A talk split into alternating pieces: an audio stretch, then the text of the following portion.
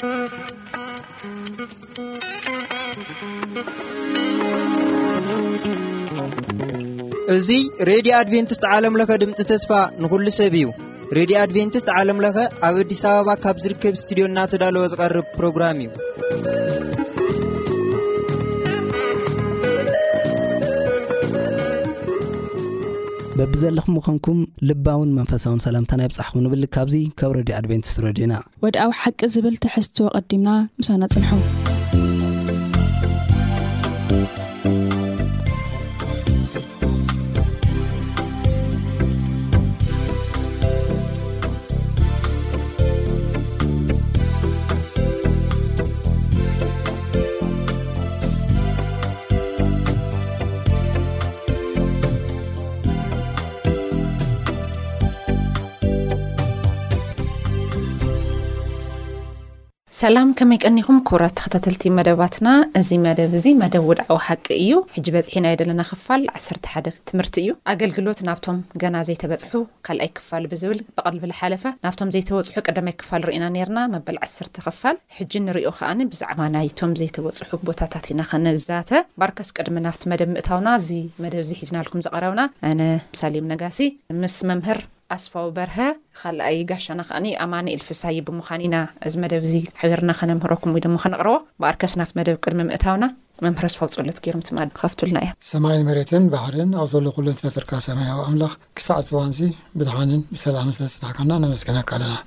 ሕጂ ከኣ ነዚ ክነቕርቦ እንዳሎ ዘለና ትምህርቲ ንዓናን ነቶም ዘዳምጹ ሰባትን ሃናጺ መታን ክኸውን ብመንፈስካ ክትመርሓናን ንሕድሕድና ክትምህረናን ንልምነካ ኣለና። ነቲ ቃላትካ ኩሉ ሳዕ ከም ፍቓድካ ንምንባር ክሕግዘና ጥበበን ምስትውዓልን ሃበና ምእንቲ ስም የሱስ ኢልካ ስምዓና ኣሜን።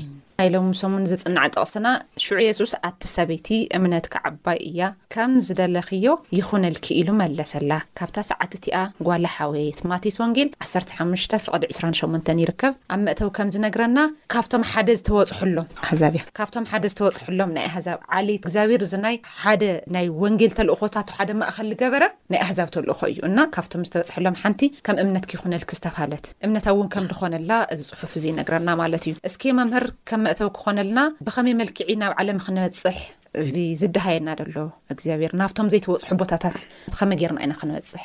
እሺ የቐኔለይ ኣብቲ ዝሓለፈ ትምህርቲ ቀዳማይ ክፋል ማለት እዩ ናብቶም ዘይተበጽሑ ወንጌል ምብጻሕ ዝብል እቶም ብስልጣኖም ብፍልጠቶም ብክእለቶም ካብቲ ሕብረተሰብ ልዕል ኢሎም ዝርከቡ ሰባት ብኸመይ ናባታቶም ወንጌል ከም ዝበጽሐ ኢና ርኢና ኔርና። ሎሚ ኸኣ እቲ ወንጌል ንሱ ንባዕሉ ማለት እዩ ናብቶም ዝተገለሉ፣ ዝተነጽጉ፣ ብዙሕ ኣቓልቦ ዘይወሃቦም ሰባትከ ብኸመይ እቲ ወንጌል በጺሑ ኢና ክንርኢ ኣብዚ ክልተ ጫፋት ኣሎ እቲ ወንጌል ሓደ እዩ ናብቶም ካብ ማሕበረሰብ ኣብ ልዕል ብርኽ ዝበለ ልዕል ዝበለ ቦታ ዝርከቡ ብኸመይ ከም ንበጽሖም ርኢና ኣለና ሎሚ ከዓ ነቶም እተገለሉ ብኸመይ በጽሕዎም ዝብል ኣብኡ ክንርኢ ኢና እቲ ናይ መጀመርታ ክንሪኦ ከለና ነቶም ርሕቕ ኢሎም ዘለዉ ሰባት ዝብል እዩ እዚ ብኣካላዊ ምርሓቕ፣ ብቦታ፣ ኣብ ርሑቕ ቦታ ዝርከቡ ዝብል ስምዒት ክህልዎ ይኽእል እዩ። በቲ ካልእ እውን ኣብ ከባቢናን ምሳናን ከለዉ ብናይ መነባብሮ ደረጃን ብመንፈስን ዝረሓቑ ዝብል ስምዒት እውን ክህልዎ ይኽእል እዩ። ስለዚ እዚ ርሑቕ ዝብል ብኣካላዊ ርሕቀት ይኹን ብመንፈሳዊ ወይ ኣእምሮኣዊ ርሕቀት ንዝርከቡ ሰባት ከወንጌል ከመይ ኢሉ ተላኢኹ ዝብል እዩ። ስለዚ ጎይታና የሱስ ክርስቶስ እቲ ወንጌል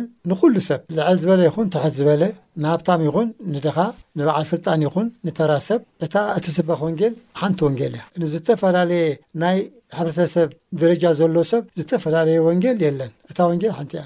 ግን ነቲ በበይኑ ዘሎ ብናይ ሰብኣዊ ብናህና ኣተሓሳስባ እቶም ልኡኻት እውን ንሕና ነቲ መልእኽቲ ከምቲ ኣቐዲመ ክብሎ ዝጸናሕኩ ናብ ክልተ ወገን ሰባት ኢና ነብጽሖ፣ ነቶም ካባና ልዕል ዝበሉ ዝመስሉናን ነቶም ካባና ብእምነቶም ይኹን ብመነባብሮኦም ይኹን ከኣ ትሕት ዝበሉ ዝመስሉናን ሰባት እዩ። ኣብ እግዚኣብሄር ግን ላዕልን ታሕትን የለን። ስለዚ እቲ ወንጌል ንዅሉ እዩ። ስለዚ ኣብቲ ናይ ኦሪት ክንሪኦ ከለና እቶም እስራኤላውያን በቲ እግዚኣብሄር ዝሃቦም መምርሕን ስርዓትን ምሉእ ብምሉእ እኳ እንተዘይከዱ ብዝኾነ ግና ካብቶም ከባቢኦም ፍልይ ዝበሉ ህዝቢ እዮም ነይሮም። ፍልይ ዝበለ ናይ ወንጌል ተልእኾ ነይርዎም ፍልይ ዝበሉ እዮም ነይሮም ስለዚ ናብቲ ኩሉ ካልእ ከተማታት ብተፈላለየ ኣጋጣሚ ክኸዱ ከለዉ እቲ ወንጌል ተማሊኦም ይኸዱ ነይሮም እዮም ስለዚ እሱ ኢና ክንርኢ ንኽእል ኣብዚ ተዋሂቡ ዘሎ ግዜ እንተለኩም መጽሓፍ ቅዱስ ከፊትኩም ኣንብብዎ። ኣብ መጽሓፍ መሳፍንቲ ምዕራፍ ሰለስተ ፍቅዲ ካብ ሓደ ክሳዕ ሽዱሽተ፣ ኣብ ቀዳማይ መጽሓፍ ነገስ ምዕራፍ ሓሙሽተ ካብ ፍቅዲ ክሳዕ ዓሰርተ ክልተ፣ ካብ ሓደ ክሳዕ ዓሰርተ ክልተ፣ ኣብ ቀዳማይ ነገስት ዓሰርተ ሓደ ካብ ሓደ ክሳዕ ሽዱሽተ ኣንብቡ። እዚ ጥቅስታት ብዛዕባ እዘን ከተማታት እንታይ እዩ ዝብለና? ካብዚኤን እንታይ ኢና ክንመሃር ንክእል? እስኪ ኣብኡ ከተስተውልሉ ፈትኑ። ስለዚ ኣብቲ እዋን ኣይሁድ እተፈላለየ እምነታት ዘለዎም እተፈላለዩ ኣማልኽቲ ዘምልኹ ኣብቲ ኸባቢኦም ነይሮም እዮም። እቶም ህዝቢ ኣይሁድ ከም ኣይሁድ ግን ነቲ ሰማይን ምድርን ዝፈጠረ ንዅሉ ዝናብን ዝዳንይን እግዚኣብሄር እዮም ዘምልኹ ነይሮም እሞ ስለዚ ነቶም ኣብ ከባቢኦም ዝነበሩ ብእምነት ብኣተሓሳስባ ብመነባብሮ ኣብ ከባቢኦም ክንሶም ካብኦም ፍልይ ኢሎም ዝነበሩ ብኸመይ እቲ ተልእኾ የብጽሑሎም ከም ዝነበሩ ኢና ንርኢ። ብዝበለጸ እዚ ኣብዚ ብተፈላለየ መገዲ ክንገልጾ ኢና። ስለዚ እቲ ርሕቀት ኣብ ኣእምሮና እዩ እምበር ኣብ ክውንነት ክንርኢ ከለና መንፈስ እግዚኣብሄር ዘይበጽሖ ርሑቕ ቦታ የለን። ንሕና ከኣ ከምኡ ልኡኻት ክሳዕ ዝኾንና መንፈስ እግዚኣብሄር ኣብ ዝኣዘዘናን ኣብ ዝመርሓናን ነቲ ቃል ከነብጽሕ እሱ እዩ ሕድሪ ተዋሂቡና። እስኪ ናብቲ ዝቕጽል ኣማን ዝብሎ ንርእ እሞ ከምኡ እናበልና ናብቶም ትሑት መናብሮ ዘለዎም ብኸመይ ወንጌል ከም ዝበጽሐ ክንርኢ ኢና። ንጹርን ግልጽን ዝኾነ መንገዲ እዩ። ክርስቶስ እውን በቲ መንገዲ ንሱ ንደቀ መዝሙርቱ ኮነ ነቶም ሰዓብቱ ብዚ መልክዕ እዚ ንኽበጽሑ እዩ ዝደሃይ። እስኪ ኣብዚ ናይ ሶኒ ክፋል ከይድና ክንርኢ ከለና ነቶም ህዝቢ መን እዳይ ብዝብል ኣርእስቲ ኣብዚ ጥያቄ እንታይ ፈጢረልና መስለኩም እዚ ብዛዕባ እቶም ኣብ ዝተፈላለዩ ቦታ ዘለው ኣህዛብ ብዛዕባ ዘሎና ተልእኾ እንታይ እዩ ዝብለና ልብል እስኪ ሓውና ኣማን መብራህርሂ ክትህበና። እሺ ሕጂ ቅድም ኢሎም መምህር ኣስፋው ይብልዎ ከም ዝጸንሑ፣ ናይ ሎሚ ኣርእስትና ኣገልግሎት ናብቶም ዘይተበጽሑ ክበሃል ከሎ፣ ኣብ ዝሓለፈ ቀዳማይ ክፋል ኢልና ከነጽንዖ ከለና፣ እቲ ኣገልግሎት ነቶም ሃፋትም፣ በዓል ስልጣናት፣ ፍላስፋታት፣ ማንም ሃንደፍ ኢሉ ከይዱ ክዛረቦም ዘይክእል ሰባት ጎይታ ብኸመይ መንገዲ ከም ዝበጽሖም ኢና ርኢና። ናይዚ ምኽንያት ከኣ እንታይ እዩ? ወንጌል ንኹሉ ስለ ዝኾነ እዩ። ወንጌል ንሃፍታም እውን እዩ ንድኻ እውን እዩ። ወንጌል ንፍላስፋ እውን እዩ ንዘይፈለጥ እውን እዩ። ወንጌል ንወዲ እውን እዩ ንጓል እውን እዩ ፆታ ኣይፈሊ ብሄር ኣይፈሊ ንኩሉ ነገር ኣይፈሊ ብማዕረ ንኩሉ ዝበፅሕ እዩ ማለት እዩ መን እዮም እቶም ካልኦት ዘይተበፅሑ ካብቶም በዓል ስልጣናት ካብቶም ፈላጣት ካብቶም ሰብ ሃፍቲ ወፃኢ መን እዮም ካልኦት ዘይተበፅሑ ካብ ሕብረተሰብ ዝተገለሉ እቶም ድኻታት እዮም እቶም ዝሓመሙ እዮም ብፍላይ ኢየሱስ ክርስቶስ ኣብ ዝነበረሉ ግዜ ድኻ ገንዘብ ዘይብሉ ማለት እዩ መነባብርኡ ክመርሕ ዘይክእል ሰብ ማለት እዩ ዝሓመሙ፣ ዝተሸገሩ፣ ካብቲ ሽግር ብተወሳኺ፣ ካብቲ ሕማም ብተወሳኺ፣ ካብቲ ድኽነት ብተወሳኺ፣ ከምቲ ኩሉ ግዜ እንብሎ ዝነበርና ኣብቲ ሕብረተሰብ ዝነበረ ኣመለኻኽታ እንታይ እዩ ነይሩ፣ እዚ ሰብ እዚ ድኻ ዝኾነ፣ እዚ ሰብ እዚ ዝሓመመ ኣዲኡ ወይ ኣቡኡ ሓጢኣት ስለ ዝሰርሐ እዩ፣ ንሱ ጥራሕ ስለ ዘይኮነሲ ኢንክሉዲንግ ባዕሉ እውን ሓጢኣት ስለ ዝሰርሐ እዩ።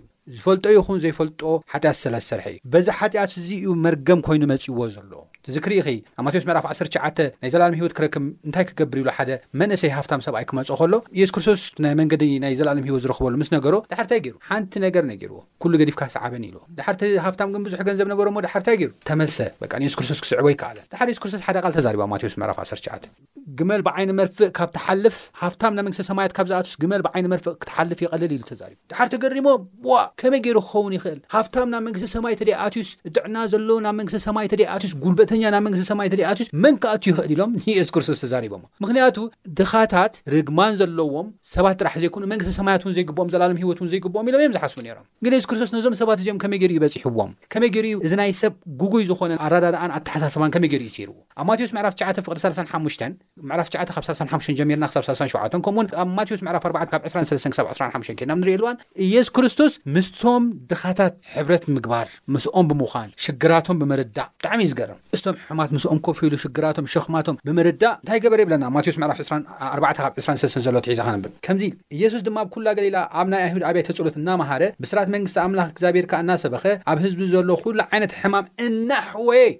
ርጉማት ኢኹም ንስኹም ኢሉ ኣየግለሎምን ሕማም እናሕወየ ያውም ከሕዊ ከሎ ኢድ እናዳህሰሰ ለምጺ እናሃልዎ ለምጺ ሕጂ ዝመሓላለፍ ሕማም እዩ ግን ለምጺ እናሃልዎ ብኢዱ ከምዚ ገይሩ ብኢዱ ከምዚ ገይሩ እናዳህሰሰ እናሕወየ ይዘውር ነበረ ዝንኡ ናብ ኩላ ሶርያ ተሰምዐ ሶርያ እዩ ዝብለኪ ዘሎ ኣይሁድ ኣይኮነን ሶርያ ካብ ኣይሁድ ወጻኢ እዮም ኣህዛብ ከኣ እንታይ እዮም ዝተገለሉ ሰባት እዮም እዚኦም ሰባት ኣብ መወዳእታ ክጠፍኡ ከሎ ሓጢኣተኛታት ኮይኖም ክጠፍኡ ከሎ መንደዲ ዕንጨይቲ እዮም ዝኾኑ ዝባሃሉ ዝነበሩ ሰባት እዮም ሶርያውያን ማለት እዩ ወይ ድማ ኣህዛብ ጠቅላላ ዳሓር ሶርያ ዝተሰምዐ ኩሎም ሕሙማት በብዓይነቱ ሕማም ቃንዛን ዘለዎም ኣጋንንቲ ዝሓደርዎም በብወርሑ ዝላዓል ሕማም ዘለዎም መጻጉዓት ኣምጽኡሉ መን እቶም ሶርያውያን ኣይሁዳውያን ዘይኮነስ እቶም ሶርያውያን እቶም ሶርያውያን ኣምጽኡሉ ንሱ ድማ ኣሕወዮም ንሶርያውያን ነቶም እዚኦም እኮ ኣህዛብ እዮም እዚኦም እኮ ኣይረብሑን እዮም ዝባሃሉሲ ኣምጽኡሉ ንሱ ከኣ እንታይ ገበሮም ኣሕወዮም በዚ መልክዕ እዚ ኸኣ ወንጌል ሰበኸሎም ይብለና። ማቴዎስ ምዕራፍ ትሽዓተ ፍቕዲ ሰላሳን ሓሙሽተን ክሳብ ሰላሳን ሸውዓተን ዘሎ እውን ተመሳሳሊ ሓሳብ እዩ እሞ እንታይ ይብል ክገልጾ ከሎ ማቴዎስ ምዕራፍ ትሽዓተ ፍቕዲ ሰላሳን ሓሙሽተን ክሳብ ሰላሳን ሸውዓተን ከምዚ ይንበብ ኢየሱስ ከኣ ኣብ ቤት ጸሎት ኣይሁድ እናምሃረ ወንጌል መንግስቲ እናሰበኸ ኣብቲ ህዝቢ ደዌን ሕማምን እናፈወሰ ኣብ ኩሉ ከተማታትን ዓድታትን ይዘዋወር ነበረ። ብዙሕ ህዝቢ ምስ ረኣየ ሓላዊ ከም ዘይብለን ኣባጊዕ ግፉዓት ተባታት ነበሩ እሞ ራህራሃሎም። ሽዑ ንደቀ መዛሙርቱ ኣዝመሩ ብዙሕ እዩ፣ ሰራሕተኛታት ግና ውሑዳት። ራህራሃሎም። ኢየሱስ ከምቲ ሰብ ዝሪኦ ኣይኮነን ዝርኢ። ሰብ ይፈርዱ ይጥቁሙ እዚ ርጉም እዩ ብሓጢኣት ዝመጸ እዩ ኢሎም ብዙሕ ነገራት ይዛረቡ እንዴት ግን ኢየሱስ ክርስቶስ እንታይ ይገብር ይርህርህ በቲ ዝበጽሖም ሽግር በቲ ዝበጽሖም ሕማም በቲ ዝበጽሖም መከራ ራህራሃሎም ጸገሞም ድማ ፈትሓሎም ክብሪ ንኣምላኽ ይኹን እሞ እዚ እየ ክብል ዝደሊ። ኣብ ናይ ሰሉስ ክፋልና ከይንዳ ክንሪኦ ከለና ኣብ ጢሮስን ኣብ ሲዶናን ዝገበሮ ኢየሱስ ከኣ ንኣብ ይዛረብ፣ እስኪ መምህር፣ ኣብቲ ቦታ እቱ ዝተገበረ ዛንታ፣ እቲ ንእምነታ ዘጽደቐላ፣ ብኸመይ መልክዕ እዩ ወይ ድማ ኣብ ጢሮስን ናብ ሲዶናን ዝገበሮ ተኣምራት ኹነ ትምህርትታት ብምሉኡ ንኽሳኸዐሉ ልገበሮ? እወ፣ እዘን ክልተ ኸተማታት ጢሮስን ሲዶናን ዝበሃላ ኣብቲ ኸባቢ ኣይሁዳውያን ዝነብሩሉ እኳ እንተኾና፣ እተን ነበርቶም ግን ካብ ኣይሁድ ዘርኢ ዘይኮኑ ኣህዛብ እዮም ነይሮም።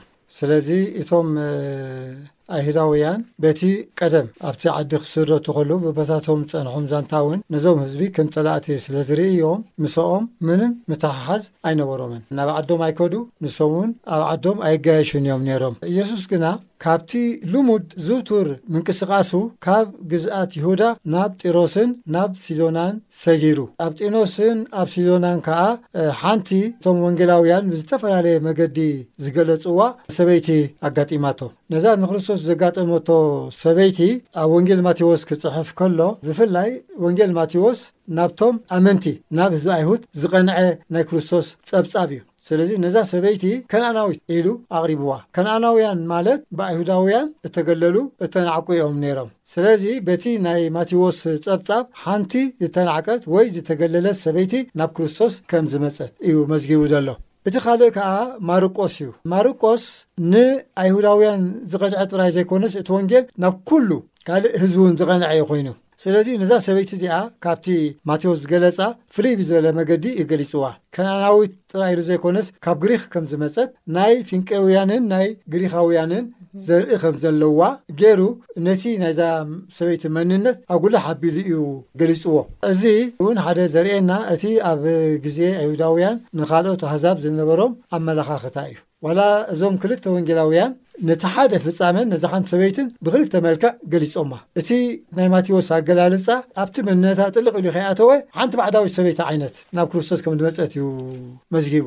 ማርቆስ ግን ኣድቅቕ ኣቢሉ ወለዶኣ ካበይ ከም ዝመጸት ገሊጽዎ። ሕዚ እቶም ነዚ ክልተ ዘገባታት ዘንብቡ ሰባት ብዛዕባ እዛ ሰበይቲ ኣብ ኣእምሮኦም ዝተፈላለየ ስእሊ እዮም ክሕዙ ዝኽእሉ። ብሓጺሩ እንታይ ኢና ክንብል ንኽእል፣ እቲ ናይ ማቴዎስ ናይዛ ሰበይቲ ኣገላልጻ ኣሉታዊ ኣገላልጻ እዩ። እቲ ናይ ማርቆስ ግና ስፍሕ ዝበለን ክዉንን ኣወንታውን ኣገላልጻን እዩ ነይሩ። ስለዚ እዘን ክልተ ከተማታት ጢሮስን ሲዶናን ዝበሃላ ኣገልግሎት ናይ ክርስቶስ ክረኽባ ዘይግበእን ወንጌል ክበጽሐን ዘይግበእን ዝብል እምነትን ኣመላኻታይን ነይሩ ኣብቶም ኣይሁድ። ስለዚ መጀመርታ ክርስቶስ ኣብዚ ዶብ ሰጊሩ። ኣብዞም ክብጽሑ ኣይግበኦምን እዩ ዝብሎም ህዝቢ በጺሑ።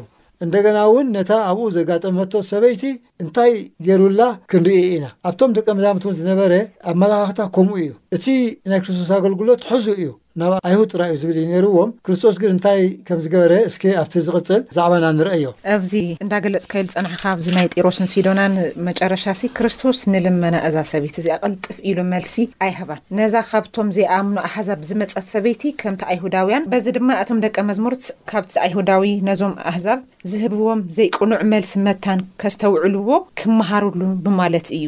ኣብ መወዳእታ ንሕቶኣ ብምምላስ፣ ንሳቶም ድማ ኸምዚ ኢየሱስ ዝገበሮ ኣሰራርሓ ርሕራሔ ኪገብሩ እዩ ዚምህሮም ዚብል ሓሳብ ይድምድም ማለት እዩ። እቲ ናይ ረቡዕ ክፋል ክንርኢ ኸለና፣ ኣፋንዋ ልብል ኣብ ግብሪ ሃዋርያት ምዕራፍ። ምዕራፍ ዓሰርተ ፍቕዲ ትሽዓተ ዝብል ታይ እኒኦ? ነዚ ኣብዚ ብመንፈስ ቅዱስ ዝተውሃበ ኣስተምህሮ ብኸመይ መጠቓለልክምዎ? ብዛዕባ መንፈስ ቅዱስ ስርሒት ይገልጽና። እስኪ እዚ ካብቲ ካብ ህጻንነትና ጀሚሩ ዝህልወና ዝንቡዕ ልኾነ ኣመለኻኽታ ክነጽሪ ኣሸጋሪ ዝኾነ መንግድታት ብኸመይ ኢና ነጽርዮም? ብጣዕሚ ጽቡቕ። ሕጂ ሓደ ካብቶም ዘይብጽሑ ከኣ ሽግር ዝነበረ ኣይሁድ እዮም። ካብ ኣይሁድ ድማ እንደገና ሓድሽ ብርሃን በሪህሎም ክርስትያናት ዝኾኑ ሰባት እዮም። ክርስትያናት እኳ ተኾኑ ካብ ጁዳይዝም ዝበሃል እምነት ወጽዮምኳ ክርስትያን ኣብ ኣንጾክያ እኳ ተተባህሉ፣ ነገር ግን እቲ ኣብ ኣይሁድ ዝነበረ ኣመለኻኽታ እዮም ሒዞም ወጺኦም። እዚ ደጋጊምና እንብሎ ዘለና ኣህዛብ ርኹሳት እዮም ዝብሉ ኣተሓሳስባ ሒዞም እዮም ወጺኦም። ካብ ዝገርመኪ ሕጂ ነዚኦም ኣምላኽ ባዕሉ ወሪዱ ተደይገሊጹሎም ኣንም ሰብ ከረድኦም ኣይክእልን Honestly። ርግጽ እዩ ከኣ መንፈስ ቅዱስ ኣብ ግብረ ሃዋርያት ምዕራፍ ዓሰርተ ካብ ትሽዓተ ትሒዝና ኣብ ንርእየሉ እዋን ንጴጥሮስ ኣስተኻኺልዎ እዩ። እንታይ እዩ ዝብሉ ኢልዎ ንጴጥሮስ? መጀመርያ ብሕልሚ እዩ ነጊርዎ። ንጽባሒቱ ንስ ቀርኔሌዎስ ጸሚኡ ነይሩ ኣህዛብ እዩ። ንጽባሒት ንሳቶም ከይዶም ድማ ጥቓ እታ ከተማ ምስ በጽሑ ጴጥሮስ ብሻድሽት ሰዓት ኣቢሉ ክጽሊ ናብ ናሕሲ ደየበ። ሽዑ ስለ ዝጠመየ ክበልዕ ደለየ፣ ምሳሕ ከዳልዉሉ እንተለዉ ኸኣ ተመሰጠ። እንሆ ኸኣ ክሳእ ሰማይ ተኸፊቱ በርባዕተ መኣዝኑ እተታሕዘ ዓብዪ መጋረጃ ዚመስል ነገር ናብ ምድሪ ኣቢሉ እንትወርድ ረኣየ። ኣብኡ ኸኣ ኵሎም ኣርባዕተ መሓውር ዘለዎም ኣራዊትን ኣብ ምድሪ ለመም ዚብሉ ኣዕዋፍም ሰማይ ነበሩ። ሽዑ ጴጥሮስ ተንስእ፣ ሓሪድካ ብላዕ ዚብል ድምጺ መጾ። ጴጥሮስ ግና፣ ጐይታ ኣይኸውንን፣ ርኹስ ወይ ዘፍንፍን ፈጺመ በሊዐ ኣይፈልጥን በለ። መሊሱ ድማ ንኻልኣይ ግዜ፣ ነቲ እግዚኣብሄር ዘንጽሆ ንስኻ ኣይተርክሶ ዝብል ድምጺ መጾ። እዚ ነገር እዚ ሰለስተ ሳዕ ኰነ፣ ንሽዑ ኸኣ እቲ መጋረጃ ናብ ሰማይ ተወስደ። ጴጥሮስ ብዛዕባ እቲ ዝረኣዮ ራእይ እንታይ ኰን ይኸውን እናበለ ብልቡ ክጭነቕ እንተሎ፣ እነሆ እቶም ካብ ቀርኔሌዎስ ዝተላእኩ ሰባት እንዳ ስምኦን ኣበይ እዩ? ኢሎም እናጠየቑ ኣብቲ ኣፍደገ ደው በሉ። ጸዊዖም ድማ እቲ ጴጥሮስ ዝበሃል ስምዖን ጋሻ ኡንተሃልዩ ጠየቑ። ጴጥሮስ ከኣ ነቲ ራእይ ከስተንትን ከሎ፣ መንፈስ ቅዱስ እንሆ ሰለስተ ሰባት ይደልዩኻ ኣለዉ። ኣነ ኤሊ እኸዮም እሞ ተንስእ፣ ውረድ፣ ከይተጠራጠርካ ምስኣቶም ኪድ በሎ። ሽዑ ጴጥሮስ ናብቶም ሰባት ወሪዱ፣ እንሆ እቲ ትደልይዎ ዘሎኹም ሰብ ኣነ እየ፣ ስለምንታይ መጻእኹም? በሎም። ንሳቶም ድማ ቀርኔሌዎስ እቲ ሓለቓ ሚእቲ፣ ብኹሉ ህዝቢ ኣይሁድ ዝተመስከረሉ፣ ንእግዚኣብሔር ዝፈርህ ጻድቕ ሰብኣይ ናብ ገዝኡ ክጽውዓካ፣ ካብኻ ድማ ቃል ክሰምዕ ብቅዱስ መልኣኽ ተነጊርዎ ኣሎ፣ በልዎ። ሽዑ ጴጥሮስ ተቐቢሉ ኣብ ገዛ ኣሕደሮም። ብጽባሒቱ ተንሲኡ ምስኣቶም ከደ። ካብ ኢዮጴ ኸኣ ውሑዳት ኣሕዋት ምስኡ ኸዱ። ብጽባሒቱ ድማ ናብ ቂሳርያ ኣተዉ። ቀርኔሌዎስ ከኣ ኣዝማዱን ዝኣምኖም ፈተውቱ ኣኪቡ ይጽበዮም ነበረ። ጴጥሮስ ክኣቱ እንተሎ ቀርኔሌዎስ ተቐበሎ፣ ኣብ እግሩ ተደፊኡ ድማ ሰገደሉ። ጴጥሮስ ግና ተስእ፣ ኣነውን ከማኻ ሰብ እየ እናበለ ኣተንስኦ። ምስኡ እናተዛረበ ኣተወ። ኣብኡ ድማ ብዙሓት ሰባት ረኸበ። ንሓደ ኣይሁዳዊ ሰብ ምስ ካልእ ህዝቢ ክሕወስ ወይ ናይ ግዝኣቶም ክኣቱ ግቡእ ከም ዘይኮነ ትፈልጡ ኢኹም። ግቡእ ኣይኮነን። ንኣይ ግና ንሓደ ሰብ እኳ ኸይጽየፍ ወይ ርኹስ እዩ ኸይብል እግዚኣብሄር ኣርእዩኒ እዩ። ምእንትዚ ድማ እየ ምስ ለኣኽኩምለይ ሰጋእ እንታይ በልኩ መጺኤ ለለኹ። እስከ ንገሩኒ፣ ንምንታይ ኢኹም ዝጸዋዕኹምኒ? በሎም። ደሓር ቀርኔሌዎስ ኣምሀረና ከም ዝበሎ፣ በቲ ጻውዒት ድማ ጴጥሮስ ወንጌል ከም ዘምሃሮም ኢና ንርኢ። ሕጂ እዚኣ እየ ደልያ። ብዙሓት ሰባት እዛ ጥቕሲ እዚኣ ሚስኣንደርስታንድ ይገብሩ እዮም። ንምግቢ እያ ተማላኽት እዩ ንምግቢ ከምዘይኮነት ግን ባዕሉ ጴጥሮስ ይዛረብ እዩ እግዚኣብሔር ንሓደ ሰብ ርኹስ ወይ ጽዩፍ እዩ ከይብል እንታይ ገበረኒ ኣርኣየኒ በዚ መልክዕ ድማ ሰጋእ ከይበልኩ መጺ እምበር ሓደ ኣይሁድ ናብ እንዳ ኣህዛብ ክኣቱ ግቡኡ ከምዘይኮነ እዚ ፈልጡ ኢኹም ከም ዝበሎም ኢና ንርኢ ስለዚ በዚ መልክዕ እዚ መንፈስ ቅዱስ እቲ ዝነበሮ ኣመላኻኽታ እቲ ዝነበሮ ኣተሓሳስባ ጉጉይ ዝኾነ ንሰብ ናይ ምጽያፍ ንሰብ ርኹስ ጌርካ ናይ ምቑጻር እዚኦም ኣህዛብ እዮም ኣይረብሑን እዮም ኢልካ ናይ ምቑጻር ኣተሓሳስባ መንፈስ ቅዱስ ባዕሉ ከም ዝሰበሮ ኢና ንርኢ እዚ ኣተሓሳስባ እዚ። ካብ ዝገርም ግን መብዛሕትና ሰብ መንፈስ ቅዱስ እኳ እንተ ነገረና እግዛብሄር እኳ እንተ ነገረና ቃሉ ኣይንቕበሎን ኢና። ጴጥሮስ ከምዚ ዓይነት ሕልሚ ሪኡ ከምዚ ዓይነት ሕልሚ እኮ እዩ ሪኡ ናብ እንዳ ቀርኔሌዎስ ከይዱ ሰቢኹ ድሕሪ ግዜ ግን ኣብ ገላትያ ምዕራፍ ክልተ ፍቕዲ ዓሰርተ ሓደ ክሳብ ዓሰርተ ሰለስተ ነቶም ኣይሁድ ምስ ኣህዛብ ኮፍ ኢሉ እዩ ዝጸንሕ እሞ ነቶም ኣይሁድ ምስራይ ይፈርሕ እሞ ደሓር ጳውሎስ ከምዚ ኢሉ ገሲጽዎ፣ ጴጥሮስ ናብ ኣንጾንቅያ ምስ መጸ ግና፣ ተጋግዩ ስለ ዝነበረ፣ ኪውቀስ ይግብኦ ነበረ ይብል። ጳውሎስ ኪዛረብ ከሎ፣ ኣነ ገጽ ንገጽ ተቓወምኩ። ሰባት ካብ ያእቆብ ተላኢኾም ቅድሚ ምምጽኦም፣ ምስቶም መን? ምስቶም ካብ ኣህዛብ ዝዀኑ ኣሕዋት፣ ኣህዛብ ኰይኖም ክርስትና ዝተቐበሉ ማለት እዩ፣ ይበልዕ ነበረ። ንሳቶም ምስ መጹ ግና፣ እቶም ኣይሁድ ምስ መጹ ማለት እዩ፣ ነቶም ዝኣመኑ ኣህዛብ ኪግረዙ ኣለዎም ዚብሉ ኣሕዋት ፈሪሑ፣ ካብኣቶም ተፈልየ። እቶም ዝተረፉ ካብ ወገን ኣይሁድ ዝኾኑ ኣሕዋት እውን ከም ጴጥሮስ ግቡዛት ኮኑ። ባርናባስኳ ኸእ እንተይተረፈ በቲ ግብዝንኦም ተሳሕበ። ከምቲ ናይ ወንጌል ሓቂ ብቕኑዕ መንገዲ ኸም ዘይተመላለሱ ምስ ረኣኹ ግና ንጴጥሮስ ኣብ ቅድሚ ዅላቶም ንስኻ ኣይሁዳዊ እንተለኻ ከም ኣይሁድ ዘይኰነስ ከም ኣህዛብ ካብ እትነብር ከመይ ኢልካ ደኣ ነቶም ኣህዛብ ከም ኣይሁድ ክነብሩ ግዲ ትብሎም ኣለኻ? በልክዎ ይብለና። ስለዚ ብዙሕ ግዜ መንፈስ ቅዱስ እኳ ዘተሓሳስባ ተሰበሮ እንደገና በታ ናይ ኣተሓሳስባ ናይ ቀደም ኣተሓሳስባ ዝኣረገ ኣተሓሳስባ መንፈስ ቅዱስ ክውገድ ኣለዎ ኢሉ ብዝነገሮ ኣተሓሳስባ ንሰብ ፈሪሑ ይማላለስ ከም ዝነበረ ክሳብ ደሓር ይሽገር ከም ዝነበረ ኢና ንርኢ ዘለና ማለት እዩ ስለዚ እንታይ እዩ ከመይ ጌርና ኢና እዚ ጉጉይ ዝኾነ ኣተሓሳስባ ኣብ ኣእምሮና ዘሎ ነገር ከመይ ጌርና ኢና ንሰብሮ ክንብል ከለና ብመንፈስ ቅዱስ ሓይሊ ኢና ንሰብሮ ብቓል ኣምላኽ ኢና ንሰብሮ ካልኣይ ካብ ሰብ ንላዕሊ እግዚኣብሄር ክንፈርሕ ከልና፣ ንእግዚኣብሄር ከነቐድም ከልና ኢና እዚ ኣተሓሳስባ እዚ ኣብ ህይወትና እውን ክንስዕሮ ንኽእል ዝብል ሓሳብ ኣለኒ። ተባረኽ ሓውና ኣማን ፍስሃየ። እታ ቁሩብ ከድርቕስ ኣብታ ናይ ረቡዕ ኣፋንዋ ትብል ቃል እያ። ክርስቶስ ነታ ሰበይቲ ምስ መጸት ናይቶም ሃዋርያት ይኹን ናይቶም ካልኦት ግብረ መልሲ ንምርኣይ ቀልጢፉ ንሕቶኣ ኣይመለሰን። ስለዚ እዞም ደቀ መዛሙርቲ ናይ ክርስቶስ ኣገልግሎት ኣይግብኣን እዩ ኢሎም ስለ ዝኣመኑ ቀልጢፍካ ፋንዋ ኣርሕቃ እዮም ኢሎሞ። ክርስቶስ ነዚ ምስ ሰምዐ ግን ነታ ሰበይቲ ኣዘራሪብዋ። ኣብቲ ዝጽናዕ መእተዊ ጥቕሲ ከም ዝረኣናዮ እውን ኣቲ ሰበይቲ እምነትኪ ዓባይ እያ፣ ከምቲ ዝኣመንክዮ ይኹነልኪ ኢሉ ነታ ጓላ ፈዊሱ። ስለዚ ኣብዚ ናይ ጴጥሮስ ዝረኣናዮ ኣብዚ ቀዳማይ ግዜ ምስቶም ሃዋርያት ኮይኑ እውን ትህውኸና ኣላ እሞ ኣርሕቃ ዝዓይነቱ እዮም ኢሎሞ ንክርስቶስ። ኣብዚ መጺኣ ክትዛረብ ከምዚ ክትገብር ኣይግባኣን እዩ ኣርሓቃ ክርስቶስ ግን ኣየርሓቃን ኣቅሪብዋ እቲ ጾሎታ ልመናኣ ሰሚዑ ዝግባእ መልሲ ከኣ ሂብዋ እዚ ውን ትምህርቲ ክኾኖም ይግብኦም ኔሩ ንጴጥሮስ ሓውትካ ነቶም ሃዋርያት ግን ኣብቲ እዋኑ ኣይተማህርዎን ኣይተማህሩሉን ንሱ እዩ ስለዚ ክርስቶስ በቶም ናቱ ጀሚሩ ግን ኣብቲ ነቶም ናቱ ዘገልግለሉ ግዜ ውን ንማንም ኣይነጸገን ነዛ ሰበይቲ እንታይ ኢልዋ ኣቲ ሰበይቲ እንጌራ ውሉድ ኣልዒልካ ንክላባት ምሃብ ግቡእ ኣይኮነን እቶም ኣይሁድ ከምኡ ዝብል ኣተሓሳስባ ስለ ዝነበሮም እዩ እታ ሰበይቲ ግን ናይ መንፈስ መልሲ እዩ እወ ጎይታይ ሓቅኻ ኢኻ ግን እቶም ኣኽላባት ከኣ እኮ ካብቲ ዝወደቐ ርፍራፍ ይበልዑ እዮም እሆ እቲ ሰበይቲ እምነትካ ዓባይ እያ ኢልዋ ነቲ ሕቶኣ ከኣ መሊሱላ ስለዚ እቲ ናይ ክርስቶስ ወንጌል ናብቶም ንዑቓት ንጹጋት ግሉላት እውን ኣብኡ ይገብር ከም ዝነበረ ኢና ንርኢ ከምቲ ቅድም ዝበልናዮ ኣብ ናንጢሮስን ሲዶናን ከተማ ምኻዱን ኣብኡ ነዛ ሰበይቲ ምትእንጋዱን ወንጌል ንኹሉ ምዃኑ ዘርእየና እዩ። ኣብቲ ናይ ሓሙስ ክንርኢ ከለና ኣብ መሬት እምነት ዝብል እዩ።